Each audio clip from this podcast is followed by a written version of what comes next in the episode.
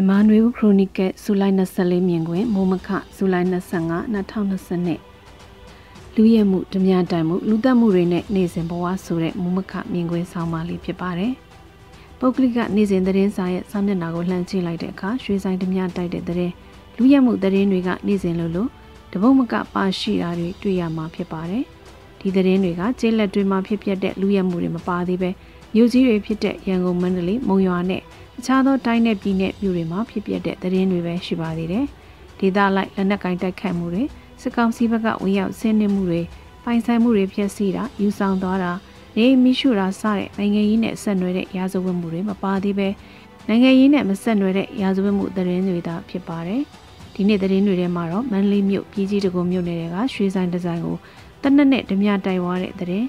မုံရွာမြို့ကဖုန်းနဲ့တပတ်ရဆိုင်ကရောင်းဝယ်တဲ့ဆိုင်ကိုလက်နက်ပြပြီးဖုန်းနဲ့ဆိုင်ကယ်တွေယူဆောင်သွားတယ်ဆိုတဲ့သတင်းတွေဖြစ်ပါတယ်။ဗန်ဒမြတိုက်တဲ့အဖြစ်အပျက်တွေလည်းတလမှာတစ်ချိန်မကဟိုမြို့ဒီမြို့မှာဖြစ်ပျက်နေတာသတင်းတွေဖတ်ရှုရမှာဖြစ်ပါတယ်။ဗန်ဒမြရွှေဆိုင်တမြဖုန်းဆိုင်တမြစသဖြင့်ငွေမြတ်မြတ်ရနိုင်တဲ့နေရာတွေကိုအုပ်စုနဲ့လက်နက်ငယ်နဲ့တမြတိုက်ပြီးထွက်ပြေးတိမ်းရှောင်ကြရမှာလူမြောက်သွားတဲ့အဖြစ်အပျက်တွေဖော်ထုတ်နိုင်ခြင်းမရှိတဲ့အဖြစ်အပျက်တွေအများအပြားရှိနေတာသတင်းတွေဖတ်ရှုရင်သိနိုင်ပါတယ်။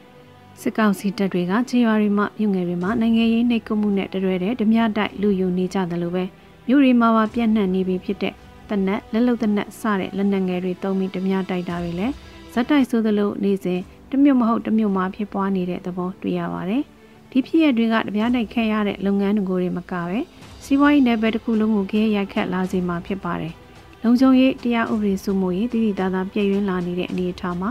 စီးပွားရေးရင်းနှီးမြှုပ်နှံလုပ်ကိုင်မှုရောနှဲကျဆင်းလာမှာဖြစ်ပြီးလုပ်ကိုင်ခွင့်လန်းတွေဆုံးရှုံးလာစေမှာဖြစ်ပါတယ်။တစ်ဖက်မှာလည်းကုန်ပစ္စည်းတွေဝန်ဆောင်မှုတွေရဲ့ကုန်ကျစရိတ်ဈေးနှုန်းတွေမြင့်တက်လာတဲ့အကျိုးဆက်တွေကြုံတွေ့ရမှာဖြစ်ပါတယ်။ခုလိုချင်းဒီမျိုးမှာရင်းနှီးမြှုပ်နှံမှုအသစ်လုပ်ငန်းအသစ်ထူထောင်မှုအလားအလာကျဆင်းပြီးရှိနေတဲ့ပိုင်ဆိုင်မှုတွေရင်းနှီးတွေကိုပြန်လည်ထုတ်ယူပြီးစိတ်ချရတဲ့ပိုင်ဆိုင်မှုအဖြစ်ပြောင်းလဲကြမယ့်အလားအလာတွေစီဦးတည်သွားနိုင်ပါတယ်။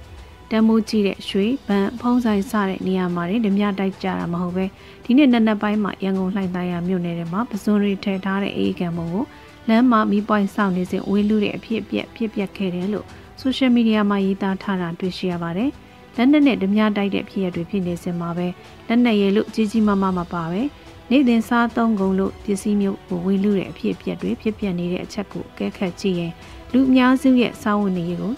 စီးပွားရေးကျဆင်းမှုကြက်တဲမှုက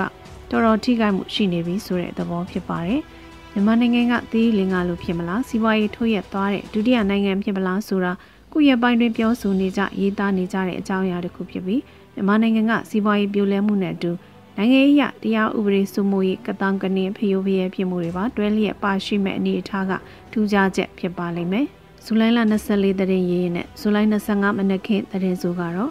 စစ်ကောင်စီတရင်စာမှာຫນွေဦးဒေါ်လာရဲ့အကောင်းဆောင်ကိုချင်းမီကိုစီယာတောကိုလှမြို့အောင်နဲ့ကိုသူရစောတို့လေးဦးကိုစစ်ကောင်စီကကြိုးပေးကွက်မြက်လိုက်ပြီးပြီဆိုတဲ့သတင်းဖြစ်ပါတယ်။ဇူလိုင်24ရက်စွဲနဲ့ထုတ်ပြန်တဲ့သတင်းဖြစ်ပါတယ်။ဆရာနာရှင်သမိုင်းမှာတိုက်ခိုက်တော်လှန်ရေးကောင်းဆောင်ကိုကြိုးပေးသက်ဖြစ်ခြင်းမှတ်တမ်းတင်သွားပါတယ်ရှင်။